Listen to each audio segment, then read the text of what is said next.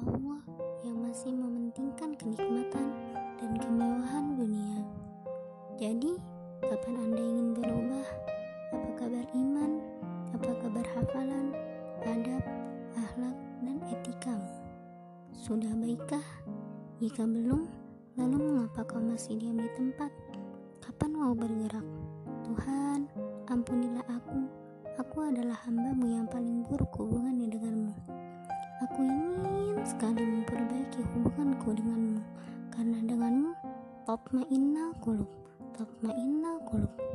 Ya Allah, berikanlah aku hidayahmu, petunjukmu, bimbinganmu, agar aku bisa menjadi hambamu yang sesungguhnya.